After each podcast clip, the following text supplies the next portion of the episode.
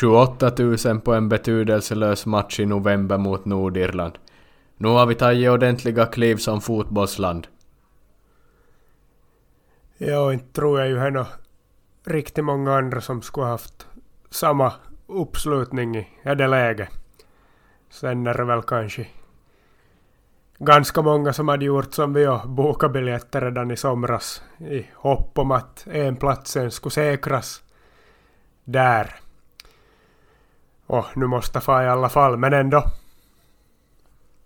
Vad ska man dra för växlar av Thomas Galves så kallade succédebut som det skrivs om i medierna? Ska inte man vara lite försiktig när det ändå är San Marino som är motståndare? Nå, nu finns det väl alltid det att det var ju bara San Marino men ändå nu tycker jag att det var ju han som stod ut, ingen annan stod ju ut fast det var bara San Marino eller vad man ska säga. No, gjorde förstås gjorde två mål och sådär men överlag ingen annan gjorde ju några jättebra insatser och han var ju den som visade mest så nu tycker jag helt rätt att man hyllar honom. Everton straffas med minus 10 poäng. Var kommer Manchester City spel om de ska få något straff någon gång i tiden? Nej, no, de borde väl egentligen aldrig få spela fotboll nästan igen om Everton blir bestraffade för 10 poäng för det vad de hade gjort om man jämför dem med vad City sen har gjort, hur mycket, de har, hur mycket mer de har gjort. Så. Ja, egentligen borde väl helt uteslutas från all fotboll för gott men skulle väl räcka ganska bra med att de flyttas ner några divisioner nu för att man skulle vara nöjd.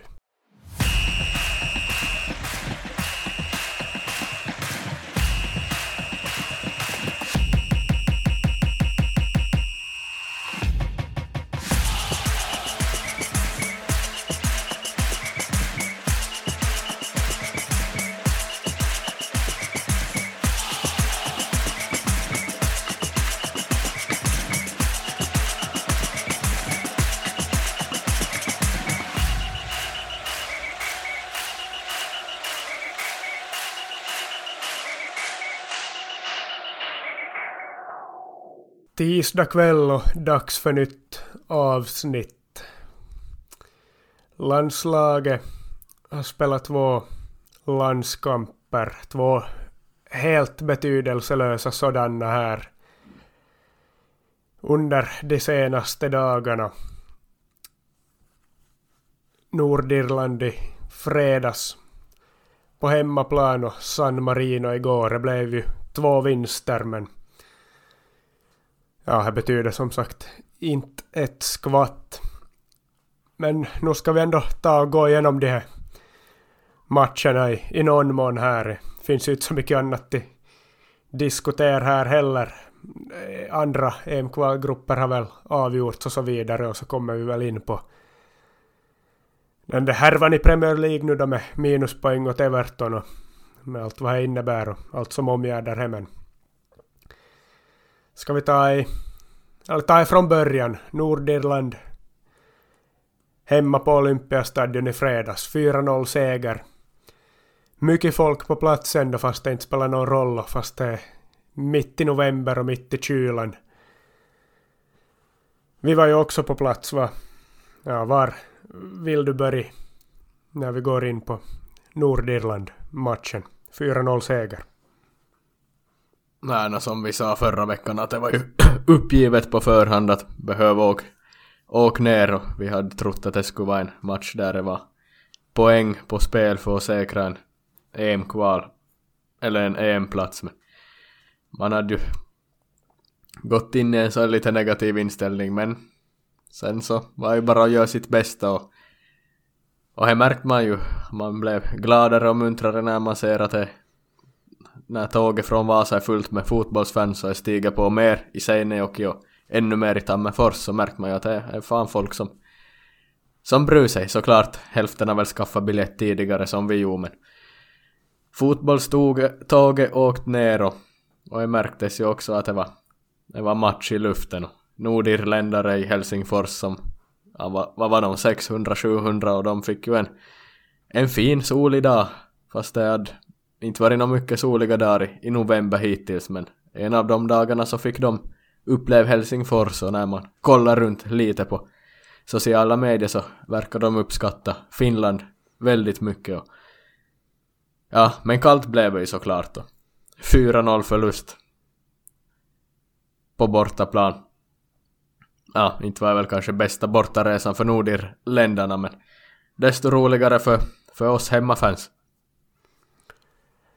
Ja, det var ju nog ett fall av där man bara fick göra det bästa av situationen, både på läktarna och, och spelarna på plan. Och försök få någonting ut av det. Och nu fick vi väl ändå nog spelarna 4-0 seger som de fixade och spelade ganska bra. Som sagt, vi på läktarna hade väl kul vi också fast det inte... Eller fast det skulle kunna vara ännu roligare förstås men... Ja, inte kan man göra så mycket åt saken nu i efterhand. Det nog var ju ändå en helt kul upplevelse nu. Vi hade ju våra platser där ja, ovanför kärnan av Pohjoiskar kan man väl klassa som på något vis. Du får ner riktigt i, i själva hjärtat av Pohjoiskar i andra halvlek då. Där före matchen testade vi vara med i den här marschen från centrum till Olympiastadion. Och det är väl kanske, eller det var väl kanske minst lyckade på hela kvällen ändå. Borde man kanske spara de här supportermarscherna ändå till viktigare och högtidligare tillfällen så inte blir som för utvattnat och så inte de förlorar kraften i sig i några betydelselösa matcher mot Nordirland i november då kvalet är över. Ja, nu är det väl så nu, men ju närmare matchen och under matchen desto mer ökar ju trycket och är ju ja, om man jämför med Sverige i söndags 10 000 mot Estland i en betydelselös match. Finland har 28 000 i en lika betydelselös match mot Nordirland. Inte skulle jag någonsin för, vad ska vi säga, ett antal år sedan tillbaks trott att Finland skulle ha mer folk på en likadan match om vi jämför med Sverige. Det här är nog ganska sjukt när man börjar tänka på saken faktiskt. Ja, sen svenska landslaget har ju inte varit något muntra, no, muntra senaste år för de heller så finns ju en förklaring att där är det ju under alla genomsnitt och så dåligt och intresse är lägre än någonsin men det finns ju en förklaring till det då att det har varit så dåligt och må många är så missnöjda och så vidare. Sen för Finland har ju varit en publikboom och är bättre än någonsin förstås men ja, nu, nu är det ändå häftigt, alltid häftigt att vara bättre än grannlandet Sverige på någonting. Ja, jag ska översätta Timo Furuholms tweet, gamla fotbollsspelaren. Han skrev på finska så här att alltså sammanfatta den här matchen. Motståndare Nordirland. Det är fyra grader minus. Besvikelse över att ja, matchen saknar betydelse. 28 000 på stadion. Kultur. Eh, bra sammanfattat tycker jag över vad, vad vi fick uppleva. Ja, nu är det ju här då. Sen landslaget svarar ju upp till publikens önskemål då, eller vad man ska säga på plan med sin prestation också. Det var ju fyrbackslinje både här och mot San Marino har ju varit tre eller fembackslinje som har varit de senaste årens vad heter det, normen. nu vågar vi pröva på det fyrbackslinje och det funkar ju bra. Åtminstone här mot Nordirland, det var väl någon slags fyra 3-3 ibland såg ut som 4-2-3-1 med Kamara som så lite högre av de där mittfältarna. Ja, inledningsvis största delen av första halvlek var väl ganska seg nog ändå. Att det tog ju sitt tålamod och tog sin tid innan vi fick nedbryt nordirländska försvaret. Kom ju där då via en straff och ja, ett genombrott där då, vem vet hur jag skulle ha sett ut om vi inte skulle ha fått en straff kanske. Jag skulle ha fortsatt likadant i 90 minuter. Men sen i andra halvlek var ju riktigt bra och det var ju någon slags utskåpning ändå såklart. Häftigt för en själv nu i alla fall var ju nog absoluta höjdpunkten till få se Daniel Håkans gör. Är det 2-0 målet som han gjorde? Det var ju mäktigt men Ja, du, du, fick ju inte se live du. Du var väl ännu och pissa eller hur var det? Du hade inte hunnit komma ut till andra halvlek. Ja, jag var ju fast i kiosken och jag skulle ju ha något mer dricka inför att vara här i, i Pohjoiskare i andra halvlek. Du sa ju här att jag var med er första halvlek på så kallad sittplats, men jag har ju nog svårt att sitta på fotbollsmatcher. Jag ska ju helst stå, ja, så jag, jag bestämde mig, jag kan inte vara, vara kvar mer, jag måste nog få till in i Pohjoiskaare och, och gå lös i andra halvlek, så jag Ja, jag hamnade, jag var fast i kioskkön ja, medan du fick se det här häftiga målet när Håkan stod sig förbi och, och väggspelade med kameramen. Man hörde ju nog att det blev mål också ner i katakomberna men ja, det kom ju några mera mål sen senare som jag fick se också och de var ju också ganska snygga faktiskt måste man säga även om kanske Nordirland var lite Alltså, det var tacksamt motstånd och spel mot, men Pukki briljerar ju han också med både mål och assist. Ja, alla mål i andra halvlek var ju nog snygga, men nu tar ju Håkans mål priset ändå. I det här fallet. Det var ju vad jag åtminstone kom till matchen med förhoppning om att få se.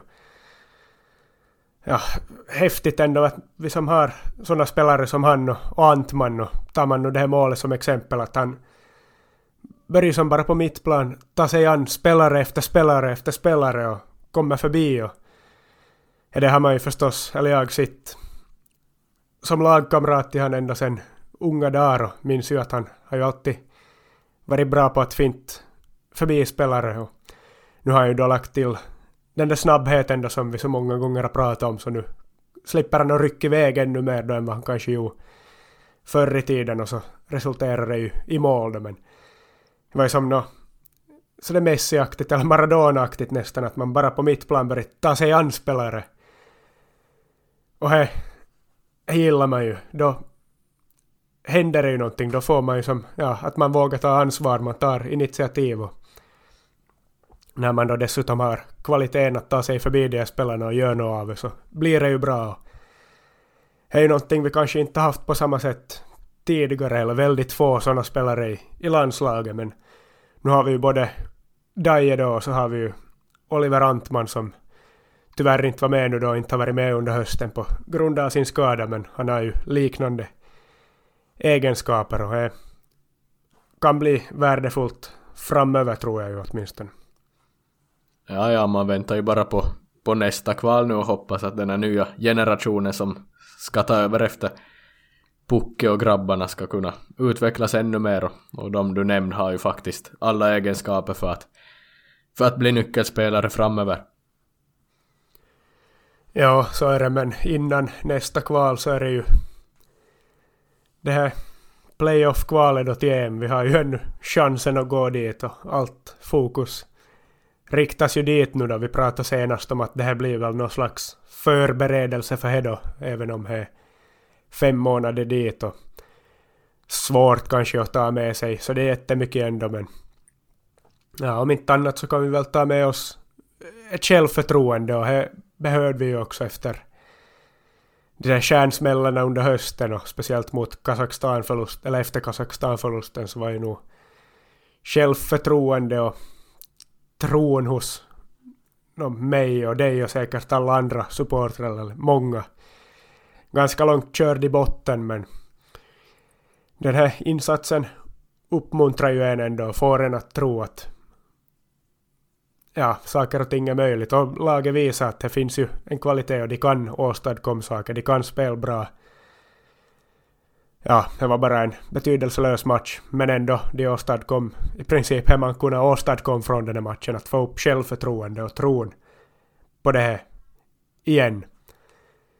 Sen i de här fortsättningskvalmatcherna eller vad heter det, ja, playoff-kvalet så är det väl Ja, vad talar vi om? Att det är Bosnien eller Wales som troligtvis väntar på bortaplan i, i första matchen där då. Sen får vi väl se om man går vidare då hur det blir. Och Ja, jag, jag sa väl att jag tar hellre Bosnien, ja, fast vi har blivit utspelade så många gånger, för man vet ju aldrig med Bosnien, det kan vara i sånt...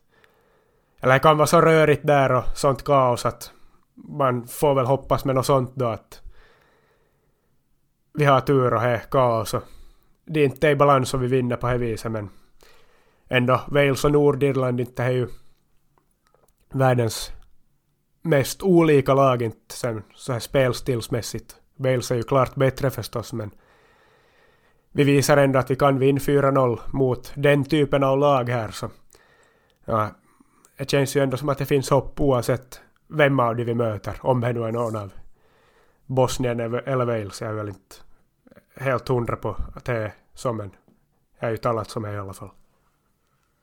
Jo, det är väl troligen Bosnien och om inte blir Bosnien blir det Wales. Sen finns det väl någon enstaka procentchans att det blir Polen. Men nej, är Bosnien eller Wales vi har och, och gör upp mig i mars om fyra månader. Men jag noterar ju här att vi tog 18 poäng. Exakt lika många som i förra EM-kvalet i 2020 som spelades 21 då. Men 18 poäng, 6-0-4, exakt samma poängrad. Vi gjorde till och med mer mål i det här kvalet så vi är som... Vi gjorde bättre men förra kvalet kom vi till VM, eller till EM, och nu kom vi inte så... Det är faktiskt... Ja. Vi kanske hade tur förra gången och otur då, vi får väl se på det sättet men... Allt hade ju att göra med att det spelades endast en oavgjord match i det här kvalet, eller i den här gruppen, Slovenien mot Danmark. Enda oavgjorda matchen är faktiskt sällsynt för ju...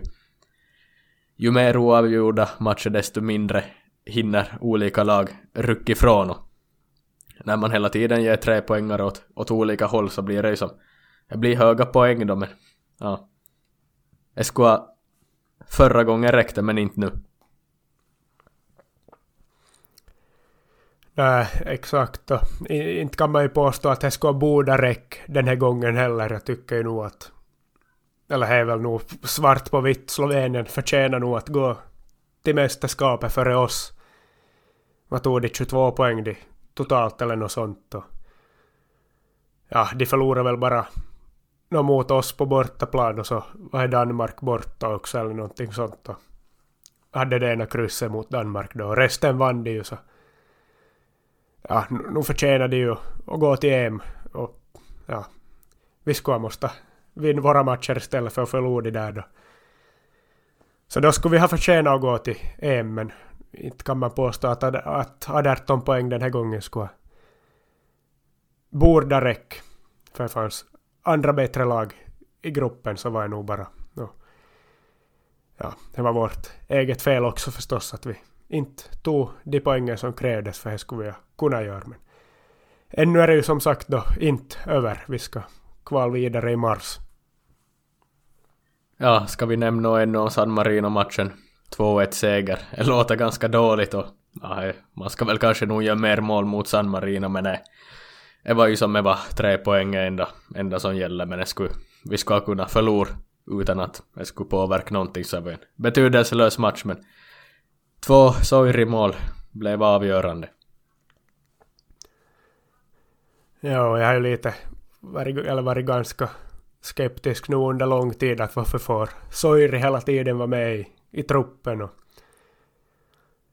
och så det jag tycker som inte att han är tillräckligt bra och så vidare men nu gör han ju ändå två mål här då och visar att han kan vara av, av nytta och tystar truten på mig då och lite så grattis till honom. Men nej, inte var ju någon bra insats det här då. Däremot inte, förhoppningsvis drog han ju inte ner det självförtroende vi skapa mot Nordirland ändå för ja alltså jag, jag skulle hata att gå in i en match mot San Marino nu för tiden. Det måste ju vara otroligt jobbigt. Till och med som ja, supporter också är samma sak att jag, jag hatar att möta San Marino egentligen och sån här lag.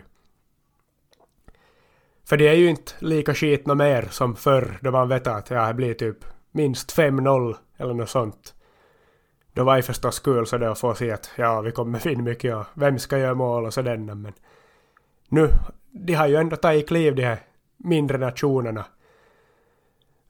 Ja, nu förstås finns det ju Gibraltar nu då som kanske är kvar där på den där nivån med 14-0 förlust mot Frankrike men San Marino ändå de har blivit bättre på håll igen och de har väl gjort mål tre matcher rad nu också tror jag mot Kazakstan och Danmark också före det här målet då på straff i slutminuterna igår mot oss men äh, ja, skulle som vara eller man har ju inte nått i vinn på ett spel mot San Marino. Det är ändå det laget som alla använder som exempel när man ska ta ett skitlandslag så är det San Marino.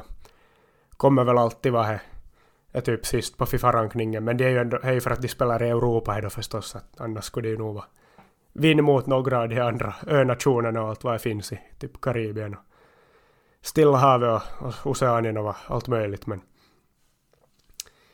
ja, inte är det ju bara vi som har börjat få svårare mot de på senare tid, utan det är ju nog andra länder också.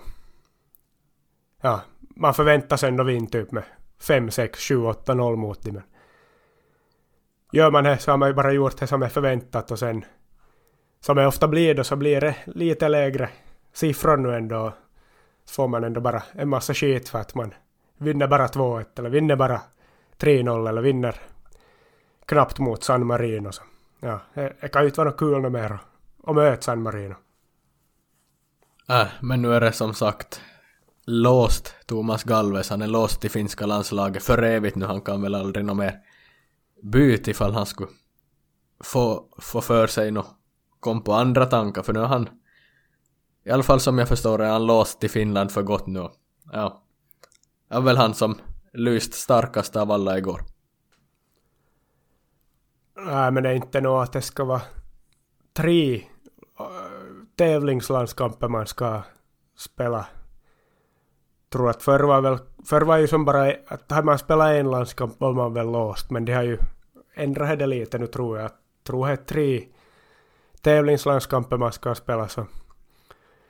Ännu vet man väl inte riktigt men förhoppningsvis får vi väl han låst till oss nu då inom snar framtid ändå skulle man ju vilja för han var ju nog den som stack ut igår ja, i, liksom som debuten eller han gjorde ju en januariturné landskamp i vintras men nu var ju det som var den riktiga debuten och ja, som jag nu sa att va... ja, eller vem var det nu som imponerade egentligen? Ingen, inte var det Pukki, inte var det någon annan kamera eller någon som imponerade utan det var Galves som imponerade motståndet var ju samma för alla, det var San Marino men de andra lyckades inte imponera på samma sätt som han gjorde ändå så inte behöver man nu dra fram med det att ja, det var ju bara San Marino, att hur svårt är det nu att spela bra för uppenbarligen var det ju inte så lätt för alla etablerade stjärnor att spela något jättebra inte. Ja, samma sak var väl då Håkans ju hattrick mot de somras att ja, inte gjorde någon annan hattrick mot det inte, utan det var han som gjorde han var som bäst. Att klart han förtjänar att hyllas då. En bra prestation förtjänar väl att hyllas när man sticker ut. Så det var ju positivt då, och förstås säkert ett, eller säkert tacksammast möjliga på något vis, läge att göra debut också för i landslaget, det är San Marino ändå. I en betydelselös match, sista kvalmatchen, har inte något att förlora på heller. Som 18-årig debutant, fast jag nu sa att, eller kanske man nu ändå har ganska mycket att förlora. Men kanske inte som 18-årig debutant, men resten av gänget hade mycket att förlora mot San Marino, men inte han. Ja, ja vi behöver inte kolla upp det med antal landskamper. Jag vet inte om jag förstått rätt eller vem som förstår rätt om träningsmatcher inte räknas och så vidare. Men med tanke på vad han visar så hoppas vi väl att han kommer bära finska tröjan framöver också.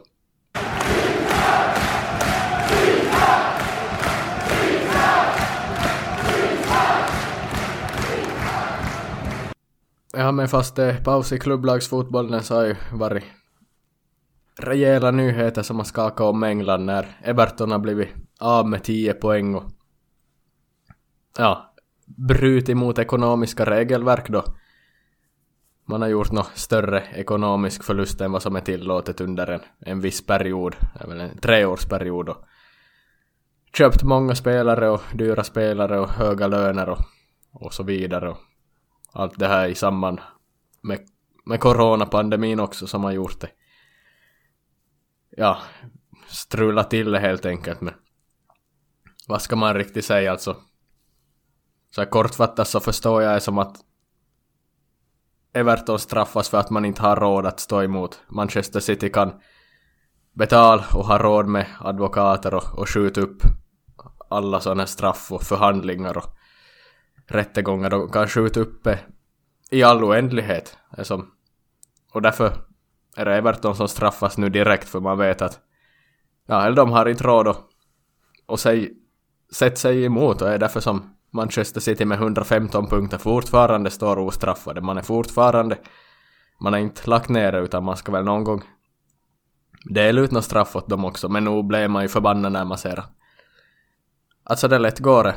Nå, några dagar innan så ryktades det om att Everton kommer straffas. Sen är det nog tabellen omritad och minus 10 där men Manchester City har vi inte hört någonting om. Nej, ja, första man tänkt på var ju då att ja, men då måste City också straffas och det kommer ju... de måste straffas ännu mycket hårdare. Everton har ju dessutom samarbetat med Premier League sån utredningskommitté. Och redovisa helt sakligt och korrekt alla sina uppgifter och medgett att ja, det här har vi gjort och ja, det var väl corona som röd till det för oss lite där och vi bygger en ny arena och ja, jag skit sig för oss helt enkelt och vi håller upp händerna helt och erkänner att ja, så här har vi då misskött oss och får de ju då 10 poängs straff och är väl ja, inte har väl någon någonsin tidigare fått ett minuspoängavdrag i Premier Leagues historia inte så redan är ju nytt och ja, sen kan man ju diskutera att är 10 poäng i proportion till, till straffet de har gjort då och vad betyder det då i så fall för City då i framtiden, eller Citys eventuella bestraffningar. Ja, jag ska rätta dig där. Portsmouth åkte ju ur 2010, då fick man ju 9 poängs avdrag mitt i säsongen. Man skulle ändå ha åkt ut för man blev tok sist. Man hade ju man gick ju i konkurs då man, eller man var på väg i konkurs och sen kraschade man ju ur totalt då med. Det var ju ett intressant hopkok av spelare Portsmouth hade från 2007 till 2010 ungefär och man vann ju en FA-cup men det var ju lite struliga ägare där och så har väl nog Middlesbrough fått något och någon annan hade väl också fått något någon gång på 90-talet det var något sånt här med att man hade haft en oregistrerad spelare eller någonting sånt hade inte registrerat någon junior i truppen. Ja, sak samma men det har hänt förr men inte det här är största poängavdraget vi har sett i, i högsta ligan i England. Är ju. Med Darby hände ju för något år sedan i Championship, man fick väl ordentligt minuspoäng men aldrig i Premier League. Men nu händer det, och om det händer nu, om man öppnar, öppnar lådan så ska man väl gräv ta ut alla kort där tills man har straffat alla lag och Ja, vi får väl bara vänta och se men finns ju ett ljusblått lag i Manchester som ska ner i, i Jazzgårdsserierna, ner i ja, vad ska vi säga, femte divisionen. 115 punkter. Everton, vad hade man? 10 punkter. Straffas man direkt. Ja, jag vet inte, man blir... Man kokar inombords och då gillar vi ju inte vi precis Everton. Nej, exakt. Ja.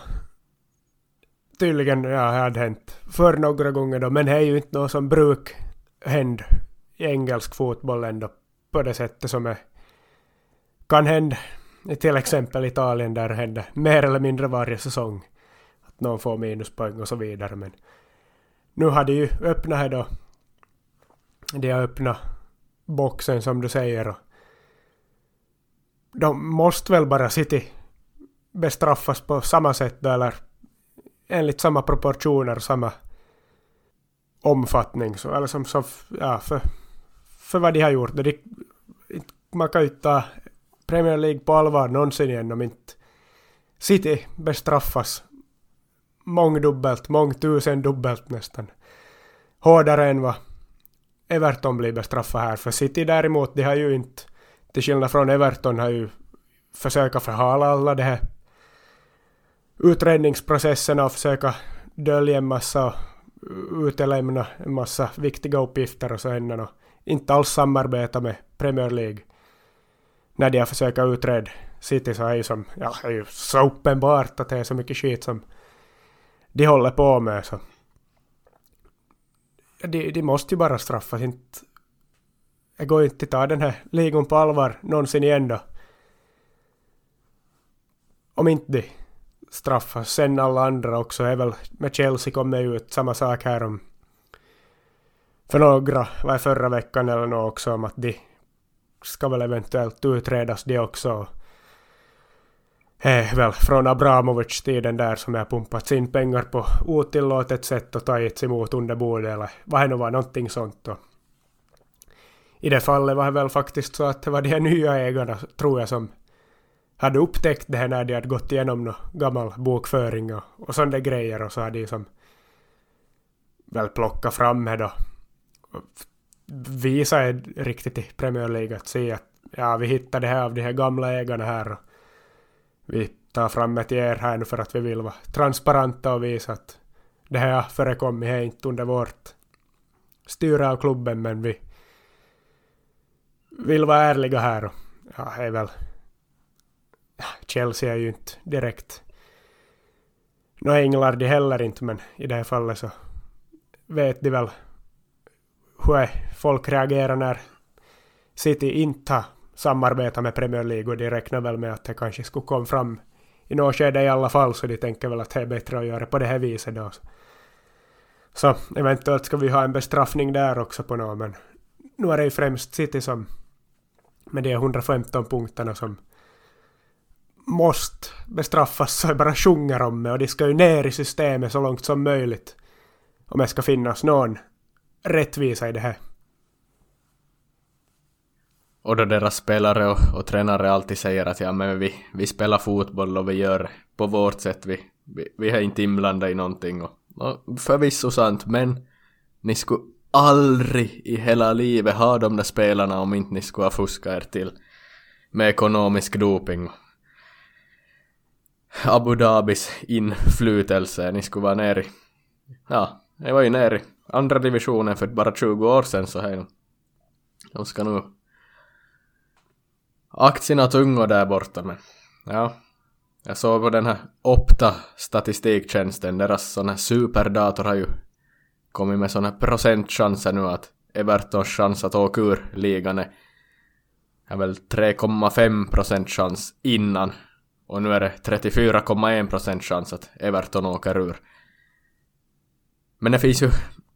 Man är ju faktiskt inte sist. Burnley är ju faktiskt ännu sämre fast Everton har blivit av med 10 poäng så... Skulle jag varit i fjol så skulle Everton ha åkt ur. Huvud för inga snack, men i år finns det ju ännu vissa lag som är ganska dåliga så jag tror nog Everton ändå har ganska bra chanser att, att klara sig kvar trots allt. Ja, jag tror nog det också. Men nu blir det förstås tufft och de kommer vara där ner i skiten antagligen stora delar av säsongen och är i uppförsbacke men ändå är det ju bra att det kom, eller bra för deras del. Att den här domen kom nu redan. Så de vet som vad de har att jobba med. Så att de drar 10 poäng ifrån de i mars eller april där just före säsongen ska avslutas så det finns som inte tid att göra något saken på plan rent sportsligt så ska jag komma någon gång så är det väl ändå så tidigt som möjligt och är väl hyfsat tidigt här nu ändå. Då är hösten ännu och var en tredjedel av säsongen spelar knappt ens här eller någonting sånt. Sen ryktades väl om att de kanske ska få ännu typ fem poäng till avdrag eller vad var det, någonting sånt för ja, inte vet jag. Några liknande grejer så får vi se. I så fall blir det ju kämpigt på riktigt men i det här läget som det är nu så borde det nog ändå finnas bra chanser för det att klara sig kvar. Men i Italien har ju hänt andra grejer också fast det har varit landslagsuppehåll. Mästarna har ju sparkat tränaren, Napoli. Ja, man visste ju att det skulle bara gå åt helvete när nästa tar över efter att man har vunnit Scudetto, men då är ju Walter Mazzarri tillbaka så är ju... Ja, vad ska vi säga? Jag vet ju att han har blivit sämre för varje år känns det som, men jag tycker det är roligt. Jag blev glad när jag såg att Walter Mazzarri ska tillbaks till Napoli säsongen ut. Vad tycker du själv? Ja, man blev väl nog ganska överraskad. Var inte Igor Tudor talade som främst där att det är han som kommer ta över, men sen mitt i allt blev inte något med då så var Matsarri klar då för en återkomst mitt i allt. Då. ja, det känns väl som ganska länge sen hans bäst före datum gick ut som tränare och länge sen han har varit ett namn att räkna med. Men det är ju alltid kul med återkomster och kul ändå att såna gamla italienska tränare får chansen i sådana storklubbar ändå på nytt att de ändå håller sig relevant på något vis. Så nu kul på det sättet men inte liksom att jag tror att det kommer gå något speciellt mycket bättre eller att han kommer att göra någon succé. Det man ju nog svårt att, att tro. Inte vet jag nog om det var rätt att ge Garcia sparken heller. För vad förväntar man sig? Fjolåret var ju som överträffa allt på alla sätt. Man kan väl säga nästan att så som det har gått i år är väl kanske hur skulle borde gå i fjol. Att lite knackigt här och där men ändå är det ju med i toppen, vad är det fjärde? Alltså skulle det ha gått som det har gått i år förra säsongen. Så då skulle ju alla ha varit nöjda. Det var ju, alltså de flesta tippar väl Napoli som utanför Champions League-platser och så vidare. De hade ju sålt alla bärande spelare mer, mer eller mindre och tagit in helt okända namn, Kvaratskhelia och Kim och sådana. Så skulle ha gått nu då, de var i fjärde i det här skedet av fjolåret, skulle väl alla ha varit nöjda och glada men så överträffade de alla förväntningar och helt sjukt vinner de ju scudetton. Så, ja, hur ska man kunna överträffa nu då? När man tar över som ny tränare inför säsongen så. Lite orättvist kanske att Garcia fick sparken, fast han nu inte levererar något jättebra heller förstås inte, men det kan man ju förvänta sig så, så mycket annat. Ja, men Garcia han är ju som, han är osympatisk och opopulär, svår älskad av, av supportrarna. Jag tror inte det är nog många som tycker om han, men Walter Mazzarri Ritorno, he, det får igång får igång nostalgin och, och jag tänkte vi skulle avsluta med ett, ett quiz och minnas tillbaks lite på Napoli under Mazzarris tid. Han var väl där mellan... Han hade ju Sampdoria före han gick till Napoli, så han var väl 2009 till 13 eller 14 eller någonting. Benitez kom väl där 13, så det måste ju ha varit 2009 till 13 någonting som han var i Napoli och det var ju ett riktigt skönt lag, ett sånt här lag som ja, jag tror det är nog inte någon många som ogillade Napoli-laget. Det var ju såna profiler och, och så bra man var sen. Jag kanske faller i glömska lite när det gick så bra med Sarri och, och nu senaste Scudetto, men det här Mazzarri-Napoli runt 2010. Vilket gäng alltså. Och innan du får säga något så ska jag ju köra ett quiz. På en Napoli 11 från den här tiden för Även om man var bra så, så inte vann man ju någonting mer än en kupp. Och det var italienska kuppen 2012 vann man finalen mot Juventus och du får helt enkelt giss på Napolis startelva från den finalen. Du känner nog igen alla namn men ibland är det svårt att placera vilka som var där och där men just Mats Harris Napoli så var ju ganska ganska många samma spelare så ge mig elvan Vänta nu sa du det var 2012? Cupfinalen. Jo, enda titel man tog med Mats Sarri under den epoken var cupfinal 2012, 2-0 seger mot Juventus. Jag gissar att Morgan de Sanctis var i mål. Ja. Det halvbra målvakt men och aldrig bättre än Buffon eller så sa att han skulle spela i landslaget inte men helt fin typ nog att minnas tillbaks på. En annan fin spelare som ju måste ha varit ytterback var ju Maggio väl. Christian Maggio, ja. Jag tror han spelade för bara något år sedan, ja. Tänk, ah, äh, kan ju hända spelar ännu, men han får väl till Benevento eller någonting här för något år sedan bara. Men jo, Christian Maggio, han var ju riktigt bra här. Jo, det är nog sant att han får till Benevento minns jag på ålderns höst, alltså riktigt på riktigt ålderns höst. Och en bra start har man ju där då i alla fall. Sen resten av backlinjen, vem kan de ha haft? Kan de ha haft Paolo Cannavaro, Fabios bror, som är en av mittbacken. Såklart, jo. Ja, förstås. Sen resten av backlinjen låter jag vänta lite med och flyttar upp på mittfältet. Eller väntas nu. Brukar inte Mats Sarri spela med trebackslinje alltså? Så vad, vad blir formationen här då? Kan jag få? Är det 3-5-2 eller något sånt? 3-4-3, jo, det stämmer, men du kan ju dra dem. Du kan ju gå upp till anfallet om inte du vill stanna på mittfältet, men ja, du gör hur du vill. Ja, så Maggio var ju då någon slags höger wingback då säkert. Och skulle jag kunna ha den här Soniga som andra wingback då? Jo, colombianen som knäa Neymar i ryggen 2014, helt rätt. Exakt han ja, som förstörde hela Brasiliens VM då. 2014. Men sen på mittfältet då dit jag var på väg, där tror jag ju att de har... Ja, Hamsik måste ju vara en del av mittfältet.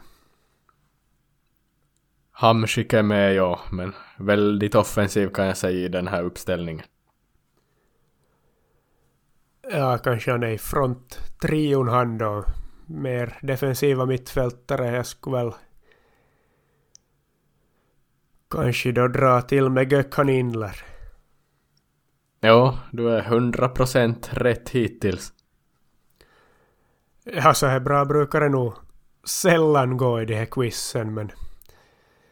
Ja, vad kan vi ha sen då på topp?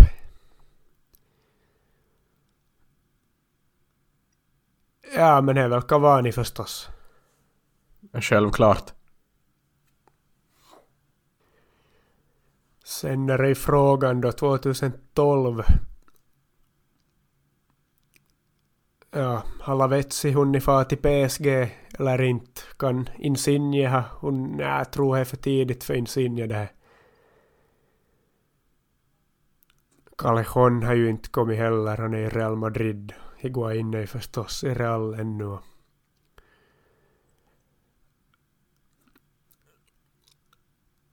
Ja, vem skulle det... Kanske jag drar till Melavetsi då. Gissar att han gick här sommaren 12. Till Paris. Jo, såklart. Lavetsi, Cavani, Hamsik är en sån här... The streets will never forget en sån trio. Ja, det var ju anfallstrion då. Fortfarande är man hundraprocentig. Men det är ju nu... Det är riktigt utmanande. Namnen börjar komma. Det är väl två mittbackar och två mittfältare till kanske jag ska ha väl. Ja, och det är ju nog... Alltså du har ju hört namnen och du känner till nog, tror jag, dem alla, men det... Ja, du har väl tagit i dem lite lättare. Nu är väl några knepiga kvar, även om du har chans att ta dem ändå. Kan det vara den här Gemaili på mittfältet? Blerim Zemaili, helt rätt. Jag trodde du skulle chans på Walter Gargano, men han var väl lite senare så. Zemaili är rätt, så då har du helt 100% rätt. 9 av 11, så är bara två mittbackar kvar tillsammans med Cannavaro där i, i försvaret ännu. Det är ju sjukt det här. Ja, Gargano hade man ju hunnit glömma att vara i, i Napoli faktiskt. Ja men inte en till mittfältare jag ska ha också. Nej, det är ju inte nej. Det är Inler och Gemaili, det är schweiziskt mittfält de körde på alltså. Ja, två Ja. mittbackar till då, vad skulle det kunna vara?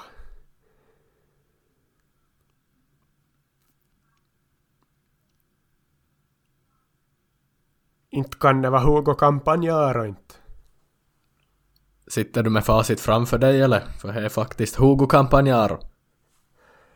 Nej, sjukt det här nu. Jag tar något facit framför mig, nej inte, men... Ja. Får väl briljera här för en gångs skull. Sista namnet, Sist- ja. Ja, sista namnet tror jag du kan ta men han är en fin smakare bara. Ett finsmakarnamn. Finsmakarnamn. Mittbacka, jag har ju som ingen aning vem det skulle kunna vara, men det skulle ju vara så snyggt om man skulle sätta 11 av 11.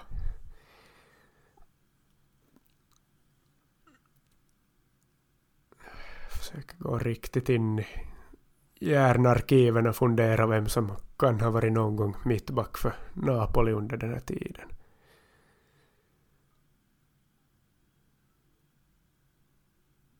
Det är väl inte någon i landslaget i alla fall. Om man skulle komma på så kanske någon icke-italienare då. Eller så är det en lite sämre italiensk försvarsspelare.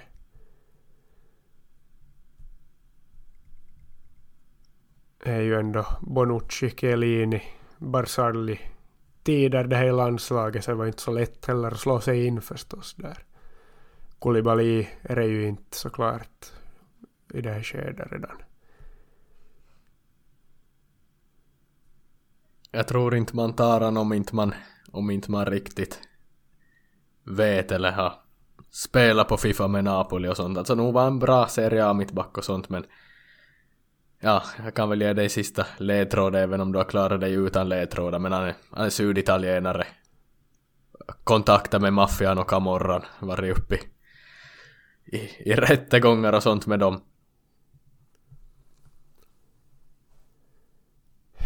Ja, jag tänker ju Jack Winta ja då, men han är ju inte mittback och inte Napoli.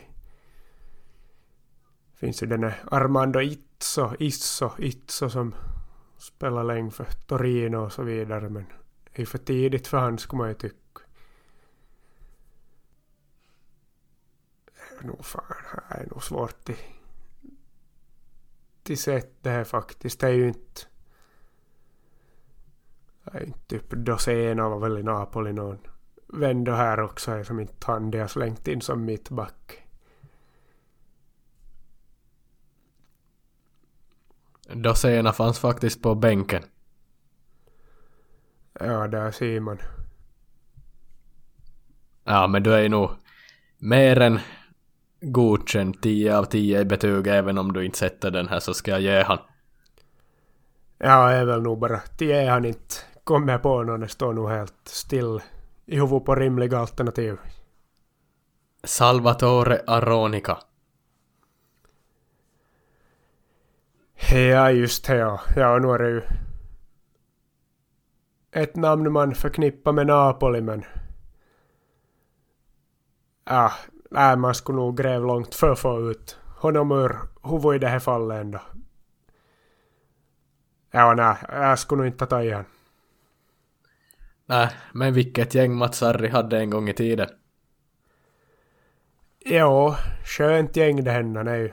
Det här när jag tänker Napoli så är det ungefär så här som jag tänker mig Napoli.